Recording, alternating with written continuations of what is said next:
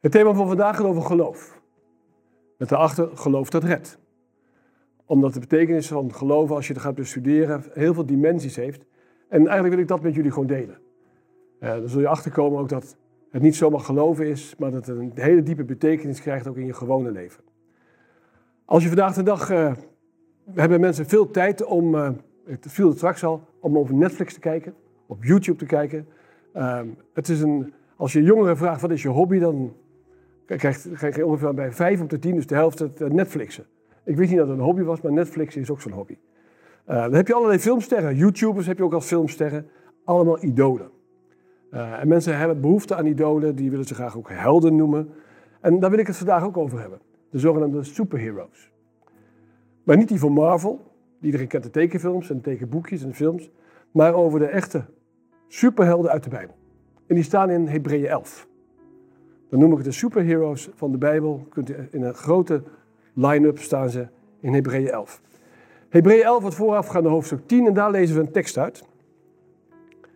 Uit Hebreeën 10, vers 38. Een hele makkelijke tekst, een hele beroemde tekst ook. Maar de rechtvaardige zal uit het geloof leven. Als je dat dan leest, denk je, oké, dan staat er in Hebreeën, dat had ik eigenlijk wel gedacht. Maar Paulus citeert hier het Oude Testament. Hij citeert hier de profeet Habakkuk. Daar komt de originele tekst vandaan. En dat is het mooie, want Paulus kent de schrift heel goed. Haalt het. Habakkuk 2, vers 4.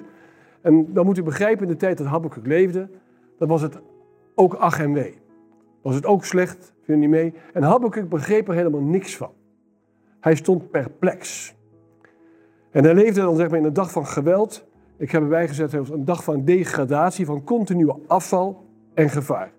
En wat deed Habakkuk? Zoals een goed profeet. Hij bombardeerde de hemel met gebed. Hij bleef maar bidden. Bidden en bidden. Hij wilde graag dat God de dingen toch uitlegde aan hem als profeet, wat er allemaal van ellende was en waarom dat was. En ik vertel dat maar even in mijn eigen woorden, want als je het voorleest is het iets strenger. Maar als je het vrij citeert, dan zeg je eigenlijk, God zegt tegen Habakkuk het volgende. En daarom laat ik het niet zien, want het is geen echt citaat. Als ik je vertelde wat ik van plan was, dan kon je het helemaal niet begrijpen. Denk je dat ik dan niks te doen heb, dat ik niet werk? Ik werk en Habakkuk, wat is nou jouw verantwoordelijkheid? De rechtvaardig zal uit het geloof leven. Daar komt dit citaat vandaan. Dus de verantwoordelijkheid die wij ook hebben vandaag de dag in deze enorme tijd van ellende en alles, is dat we door het geloof mogen leven. Maar ja, hoe moet je nou leven? Hoe moet je nou leven volgens het geloof? Overigens, als je dit gaat zoeken nog een keer, in Habakkuk staat dat er drie stukken in de Bijbel. Um, laten we even naar onszelf gaan. Of naar vandaag de dag. Uh, iedereen zoals we hier zitten, of iedereen die kijkt, heeft wel problemen. Er is niemand in deze wereld die geen problemen heeft. En als iemand zegt die geen problemen heeft, dan moet je afvragen of hij de waarheid spreekt. Dus er is altijd wel ergens een probleem. Een van de problemen is bijvoorbeeld dat we ons zorgen maken. Bezorgdheid is zo'n probleem waar je denkt oké, waar maak je op dit moment zorgen over? Nou, je kan je zorgen maken over de pandemie van corona en COVID-19. Uh, dat alleen maar toeneemt. Ook in Europa op dit moment weer. En in Nederland lijkt het goed te gaan. Maar wat gaat er gebeuren? Maar als je nou diep nadenkt, waar maken we ons nou zorgen over? Zou je kunnen zeggen dat we een gebrek aan geloof hebben. En dat is best lastig, want iedereen die dit hoort nu en kijkt, die zegt, ja, ik geloof toch? Want zorgen zijn een hele milde vorm van atheïsme. Dus bijna het beledigen, bijna vloek in de kerk om hier te zeggen dat we, dat we atheïsten zijn. Je zegt eigenlijk met zorgen, God, dit probleem is eigenlijk te groot voor u. Want ik breng mijn zorgen bij u. En ik maak me nog steeds zorgen. Dus blijkbaar kan God het mijn zorgen niet oplossen. Dat heet ongeloof. Oftewel atheïst. Dus als er dan een God is, dan moet je ermee overweg gaan. Laat ik even over mijn geloof maar spreken. Want ik kan het wel over jullie geloof hebben, maar mijn geloof. Wat is nou mijn geloof? Ik heb het maar opgeschreven, want het is een wat moeilijke zin. Geloof is mijn aanvaarding van Gods aanvaarding van mij. Dus God ontvangt me niet omdat ik goed ben. God ontvangt me niet omdat ik trouw naar de Sabbatschool wil gaan. Maar God neemt me aan door de gerechtigheid van Jezus Christus. Dat is mijn geloof. Nou, als je nou moeite hebt om het woord van God te gehoorzamen, dan uh, neem ik een heel bekend voorbeeld voor Adventisten. Uh, dat voorbeeld geef ik je maar even. En we gaan het lezen. De volgende Bijbeltekst. In Malachi 3, vers 10. Het is een hele bekende tekst, vooral voor, voor Adventisten. Hij brengt al de tienden naar het voorraadhuis, zodat er voedsel is in mijn huis.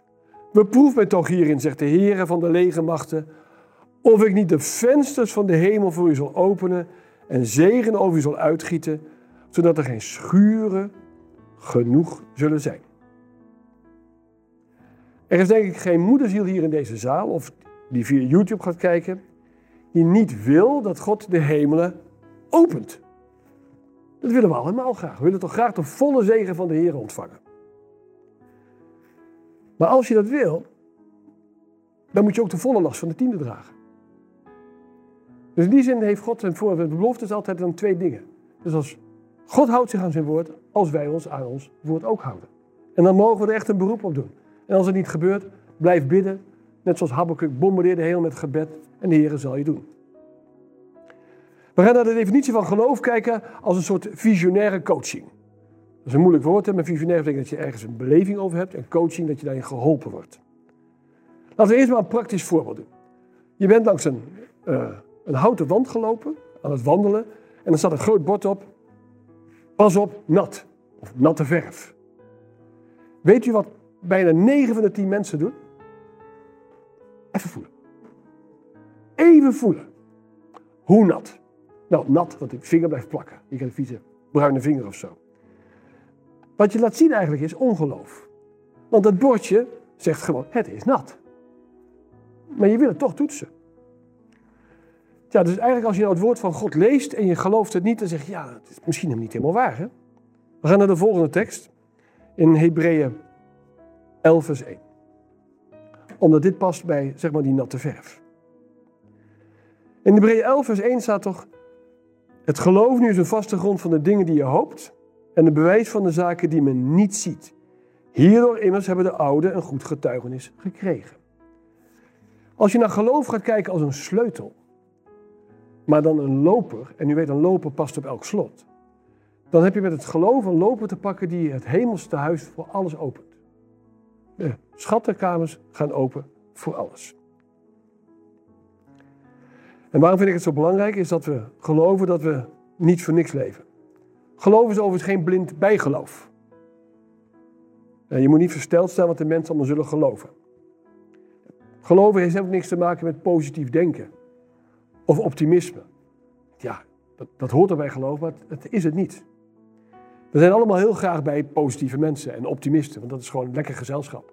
En dan is het blijdschap en vrolijkheid. En negatieve mensen en negativisme, ja, pessimisten. Ja, daar word je niet blij van, hè? Je moet je voorstellen dat iemand zo negatief is, dat als hij de kamer uitgaat, dat gelijk de sfeer beter wordt. Nou, dat, dat vind ik niet leuk. Daar houden we niet van. Dus we zijn er graag bij. Maar geloof is dat niet. Het wil dus niet zeggen als iemand optimistisch is, dat hij heel gelovig is. En het geloof is ook geen sprong in de duister. Geloof is juist een sprong in het licht. Dat is een hele andere. Dus je moet ook niet geloven in geloof. Nou maak ik er toch heel een woordspelletje van, maar ik meen het wel. Er zat in de Bijbel geloof in God. Geloof niet in geloof. Maar je moet wel in God geloven. En soms kunnen meer mensen dat vertellen. Geloof het maar gewoon. Dus we gaan maar een definitie verder doen van Paulus in drie stappen. Welke elementen nou het geloof heeft. En de eerste is, het is een vereiste zekerheid. Als je het verder gaat bestuderen in de woorden en woordenboeken en de Bijbel ook, dan zie je toch dat vertrouwen en hoop naar voren komen. En geloof is de kern van de dingen waarop wordt gehoopt, hebben we net gelezen. Dus geloof is nou de zelfverzekerde verwachting dat wat je hoopt en wat je niet ziet, al bestaat. Dus geloof helpt niet simpelweg op iets. Geloof zegt, ik heb het al. En vertrouwen heeft iets te maken, uh, laten we maar als voorbeeld nemen even een eigendomsakte. Degene die een huis hebben weten dat ze een eigendomsakte hebben. Daar staat op dat je de eigenaar bent en hoe groot het perceel is. En dat, dat staat op papier. Als je nou die akte hebt, maar het huis nog niet gezien hebt, dan weten we in Nederland in ieder geval, als er de notaris handtekent staat, dat het ook zo is. Dus je mag erop vertrouwen dat het waar is. die eigendomsakte, dat is. En toch heb je het nog niet gezien. De substantie, zeg ik bewust even, het huis, heb je nog niet vast mogen houden. Je hebt de deur niet open mogen doen. Substantie is iets wat zegt, sub betekent onder. Begrijpt u dat? Substande, substantie. Het is daaronder. We lopen dus niet op eiertjes, zeg maar, wat je heel veel doet, maar je loopt op iets stevigs. Dus het geloof geeft je ook een stevigheid in je hele leven en je hopen. Nou, dan gaan we naar hoop. dat is nog steeds binnen de eerste context vereiste zekerheid. In de Bijbel betekent hopen iets heel anders dan wij tegenwoordig zeggen. Uh, vanmiddag hopen we, middag dat we hopen dat het niet gaat regenen.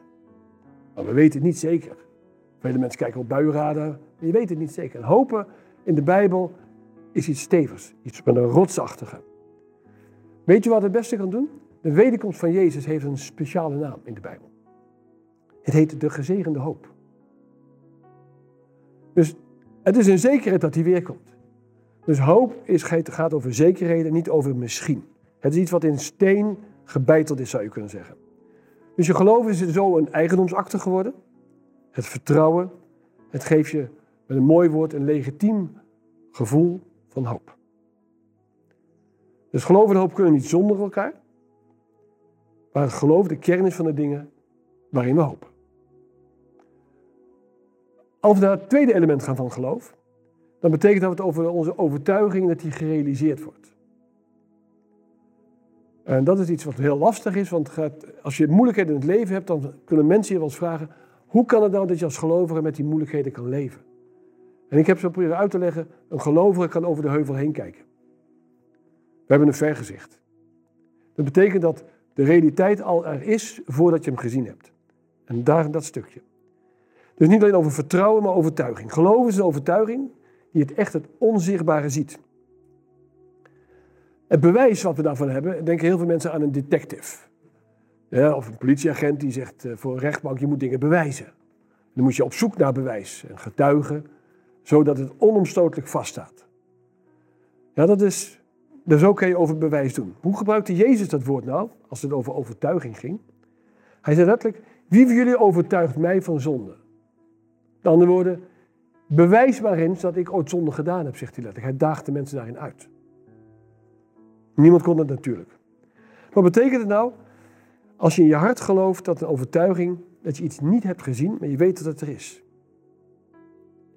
Er is hier niemand die God gezien heeft.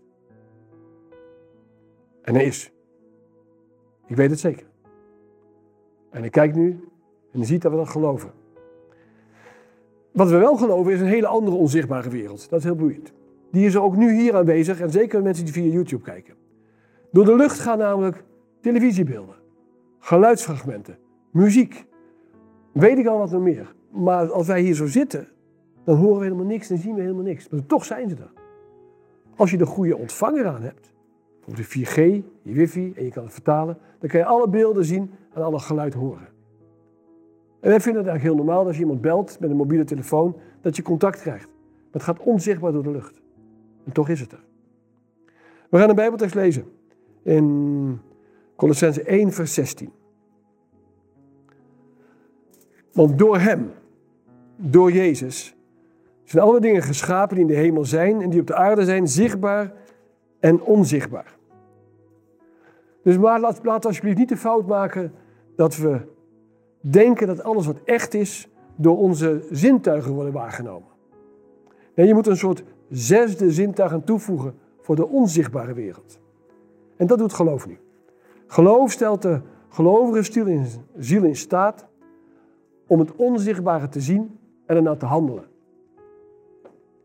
Je kunt in de toekomst wandelen alsof het in het heden is. En je kunt het onzichtbare behandelen zoals gezien door geloof. Dat is de enige manier van leven. We moeten leven door geloof. Nou, de derde element. Je mag het geloof zien als een soort ontvangen mededeling. En dat betekent dus dat er communicatie moet wezen. Dat wil zeggen dat je van de een naar de ander iets meedeelt. Dat kan zijn door woord, dat kan zijn door beeld, dat kan zijn door tekst. Maar dan moet je je voorstellen dat uh, in Hebreeën 11, lees het zo meteen nog, Dat wil zeggen, door geloof staat er, ontvingen de ouden een goed getuigenis. We hebben die tekst net kunnen zien. Als je een goed getuigenis krijgt, betekent dus dat je een goed verslag krijgt. Een goed rapport, zou je al voor de middelbare school of de basisschool zeggen. Dat betekent dus een goed rapport dat je goede cijfers hebt. Maar dat staat hier niet in dit geval. Het vertelt wat er met hen is gebeurd. Ze kregen een goed getuigenis, betekent dat er werd goed over hen gesproken. Het goede rapport betekent dat ze uit de hemel hebben gehoord. Het wordt niet over hun reputatie gesproken, maar over Gods openbaring. Ze waren het geweten van God die van hen getuigde. Dus als wij vertrouwen, met overtuiging en communicatie, dan is in ons hart dat heerlijk en wonderbaarlijk is, geloof. Dus met deze drie elementen zijn we toe zeg maar, aan de tweede fase van wat doet het dan als we dat hebben. En dat zijn wat meer stappen, maar dat maakt niet zoveel uit. Laten we eerst maar een tekst lezen dat het betekent dat verandert door verschijningen. In Hebreeën 11, vers 1. Het geloof nu is de vaste grond van de dingen die men hoopt en een bewijs van de zaken die men niet ziet. Die hadden we net ook al en ik lees hem nog een keer. Waarom hou ik deze even vast? Want we stijgen door het geloof uit boven het niveau van het zien. Dus je steekt boven het zienniveau uit. Dus je komt in een hogere dimensie eigenlijk. In de wereld zouden we zeggen, zien is geloven. En de Bijbel heeft het over geloven is zien. Jezus zegt er het volgende over Johannes 20, vers 29. En dan heeft hij het over de ongelovige Thomas. En zegt hij, Jezus zei tegen hem, omdat u mij gezien hebt, Thomas, hebt u geloofd. En zalig zijn zij die niet gezien hebben, zullen hebben en toch zullen geloven. Thomas geloofde niet dat Jezus was opgestaan. Hij wilde het zien. En hij wilde het zelfs aanraken totdat hij het zag in de handen en in zijn zij. Toen was hij overtuigd. En Jezus zegt dan, zalig zijn degenen die niet hebben gezien. Zoals wij hier zitten. We hebben nog Jezus gezien, nog zijn verwondingen, nog God, maar we geloven. Dus door het geloof wordt het onzichtbare zichtbaar voor het geloofsoog. Het tweede deel. Gevoelens gaan we het over hebben. Wij mensen zijn geschapen met uh, een helder verstand, een mooi lichaam en gevoelens. De een wat meer dan de ander. Nou, de een zegt van ik ben een heel emotioneel mens. De ander zegt ja, ik ben niet zo gevoelig in die dingen. De een is niet slechter en de ander is niet beter. Maar emoties zijn wel lastig in geloof. Uh, want de emoties zijn vaak het eerste wat aangeraakt wordt, terwijl geloven juist over diepgang gaat. Dus geloven is het diepste werk van God en niet in het ondiepe. Dan kan het wel zo zijn dat iets goed voelt of niet goed voelt. Dat kan je niet duidelijk maken. Ja, het voelt wel goed, maar wat is het dan? Ja, dat weet ik niet, maar het voelt goed. Of het voelt niet lekker eigenlijk. Met sollicitanten heb ik het wel eens als we komen, dan denk ik ja, ik weet het niet. CV klopt, opleiding klopt, antwoorden kloppen, maar het voelt niet. Dan kan je niet duiden. Met liefde is dat nog anders. Als dat niet goed voelt, stoppen we mee. Ook al is het de mooiste vrouw, met weet ik al wat, of de knapste man. Dat is het niet. Voor degenen die wel eens uh, hier staan, spreken, weten wat het is. Soms kan het ook niet goed voelen wat je aan het doen bent. Dat je denkt van, ah, het loopt niet zoals ik wil. En dat gaat niet over de plaatjes die goed zijn of niet, maar het voelt dan even niet goed. Dus als je in zo'n nachtmerrie zit, dan lijkt het wel alsof God heel ver weg is. Maar gevoelens zijn niet een bewijs van weinig of veel geloof. Ik kon niks vinden wat duidt bij meer gevoel, of minder gevoel, of meer of minder geloof. Dus ik wou het u even noemen. U kunt er verder niks mee met geloof. Nou gaan we naar logica. Dat is de andere kant, de derde stap van emotie. Nu hebben mannen wat meer logica dan vrouwen. En vrouwen wat meer gevoel dan mannen. Ik zeg het maar even als in het algemeen. Het hoeft niet altijd bij iedere man of vrouw zo te zijn, maar in het algemeen. Geloof is namelijk niet in strijd met logica. Maar geloof gaat wel verder dan logica. Laat ik maar een klein voorbeeldje nemen. Als je naar een sloot toe loopt, dan is het logisch dat je dat stap voor stap doet. Als je ervoor staat, is het niet logisch dat je doorloopt. Want dan krijg je, word je nat. Dus dan moet je springen. Als het een brede sloot is, weet je niet of je dat redt. Dus dat gaat verder dan de logica. Als je er overheen wil, moet je toch springen. Dan moet je maar in het geloof gaan springen. En als je wil is, dan kan je met droge voeten aankomen. We een ander voorbeeld uit de Bijbel pakken over logica en geloof. We weten Jezus die, in, de, die getuigde door alle plaatsen en wat hij vooral deed was mensen helpen, genezen. We kennen dat hij op een moment in het spreken was in de, bij de heuvels van Galilea. Waren er meer dan 5000 mannen die luisterden. En het begon, op, het een beetje te luisteren. En, het was, en de discipelen zagen dat de mensen honger hadden. En dan roept Jezus roept Filippus. En dan vraagt Jezus aan Filippus: Filippus, hoe gaan we deze mensen voeden? Je moet de vraag maar van Jezus krijgen. Met 5000, meer dan 5000 man. Hoe gaan we dat doen? Nou, ik vertel even mijn eigen verhalen. Filippus pakt zijn zakrekenmachientje. Zo tegenwoordig, of zijn mobieltje. En die gaat altijd uitzoeken en uitrekenen. En hij zegt, heren, er zijn zoveel mensen. Het is het jarenloon van een arbeider om deze mensen te kunnen voeden. Ja, want als er 5000 mannen zijn, zijn er waarschijnlijk 5000 vrouwen en kinderen. Dan zit je echt op 10 tot 20.000 man. Voor je die een maaltijd voorgeschoteld hebt van een tientje. Nou ja, dan weet je wel wat je ongeveer kwijt bent. Zo moet je denken. En zo zag Filippus dat. Hij zat heel in de stress. Filippus was een discipel. Maar een atheïst had hetzelfde antwoord kunnen geven, toch? Zakmachine, rekenmachientje, 10.000. Hetzelfde antwoord. Geen geloof aan te pas gekomen. Dus toch vroeg Jezus met een reden. Hoe gaan we naar deze mensen voeden? Dus hij vroeg niet om informatie, omdat de Bijbel zegt, hij wist, wilde gewoon dat Filippus iets duidelijk gemaakt werd. En dan ziet hij Jezus aan een kleine jongen, en ik zeg maar even, met zijn lunchpakketje. En hij zegt, laat die jongen hier komen. Wat heeft hij voor lunchpakketje? Wat vissen en vijf broodjes. die kleine ronde bolletjes zijn het. En door het wonder van de vermenigvuldiging eten die duizenden mensen van de enorme wonder van Jezus Christus. Geloof gaat veel verder dan logica. Dit is niet logisch. Er is geen wonder die, die logisch zijn. Bij de verkeerde mensen, zou in onze mensen zeggen. Op de verkeerde manier, op de verkeerde dag, zeiden de priesters zelfs. Maar geloof gaat veel verder dan logica. Het gaat verder en het is in strijd ermee. De vierde element waar we het over hebben is wijsheid die erin zit. Als we Hebreeën 11 vers 3 pakken. Door het geloof zien wij dat in de wereld tot stand gebracht is door het woord van God. En wel zo dat de dingen die men ziet niet ontstaan zijn uit wat zichtbaar is. Dus hier zien we in dit geval in Hebreeën 11 vers 3. Door het geloof zien we. En ik vind dat iets fantastisch hoor. Dat je mag zien door het geloof.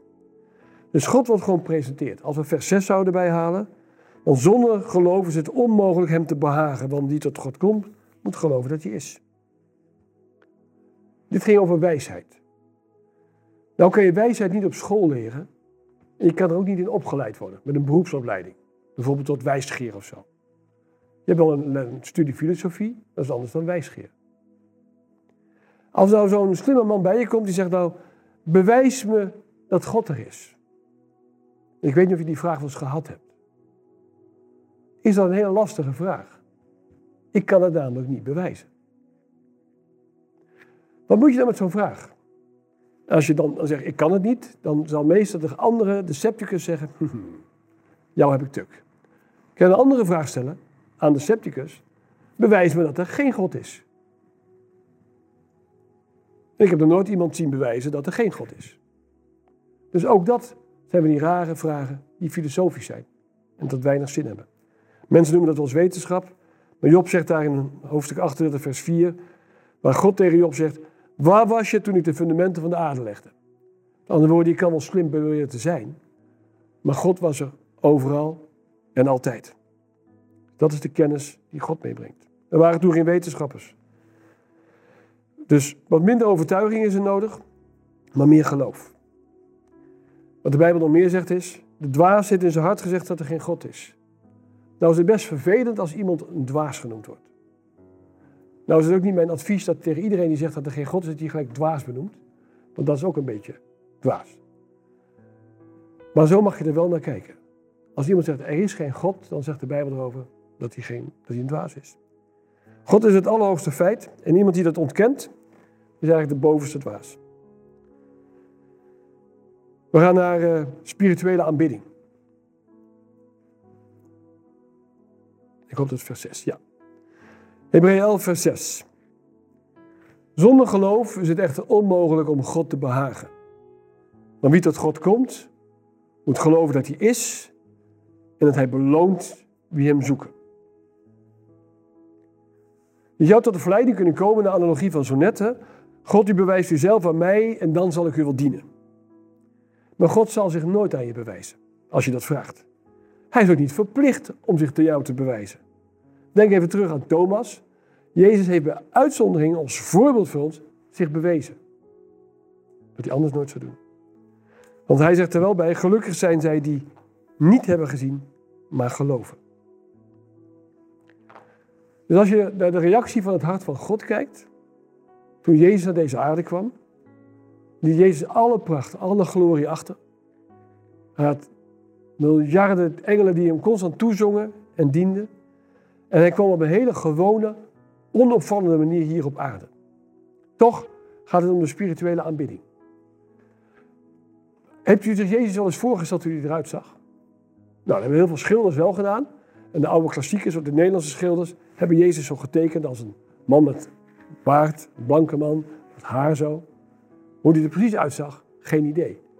Ik weet één ding wel, hij was niet een opvallende verschijning. En waarom ik het beste bewijs kan ik vinden? Toen Jezus gevangen genomen moest worden, moest hij worden aangewezen door Judas. Anders hadden ze hem niet eruit gepikt. Dus hij was een gewone, normale Jan Modaal, zou hij tegenwoordig zeggen. Wat was er nou zo wel zo bijzonder aan hem? Het was niet de uiterlijke schoonheid, maar Jezus had alle sereniteit die je kan voorstellen. Alle waardigheid. Alle majesteit.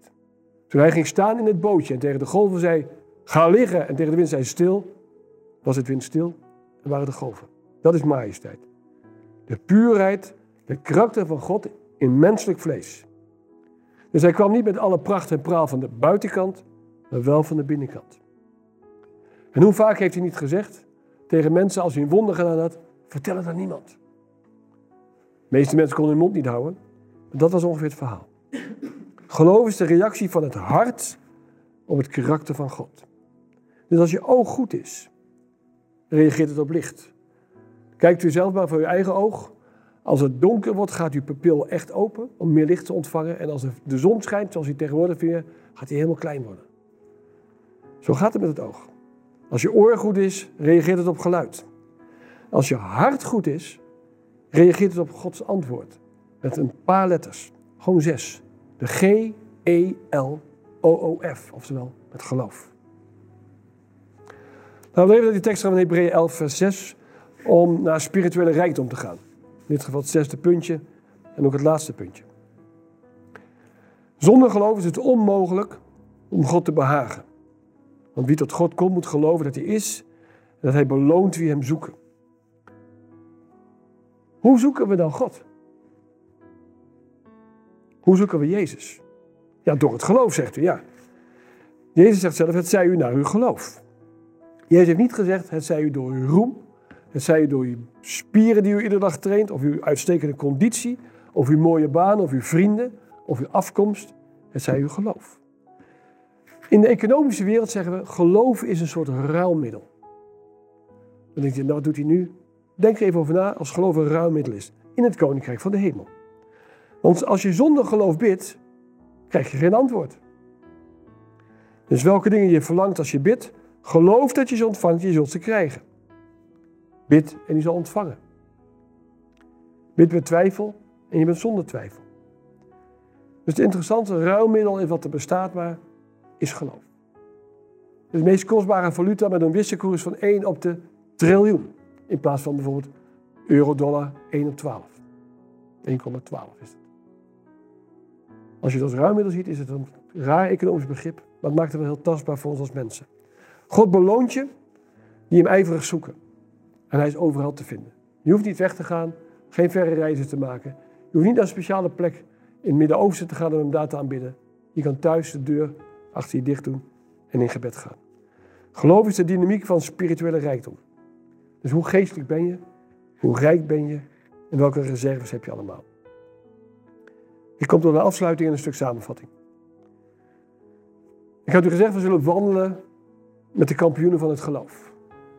Ik ben er overtuigd dat deze superhelden die in Hebreeën 11 staan een mooi voorbeeld voor ons zijn. Ze zijn ons gegeven als voorbeeld om ook zo te zijn. Met als grootste voorbeeld Jezus Christus zelf.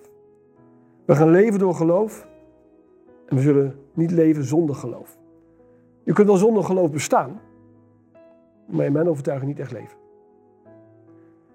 Je zult nooit zonder geloof kunnen leven. Jezus zegt, ik ben gekomen om je leven te geven. En u plaatst uw geloof waar God uw zonde heeft gelegd, op Jezus Christus. Amen.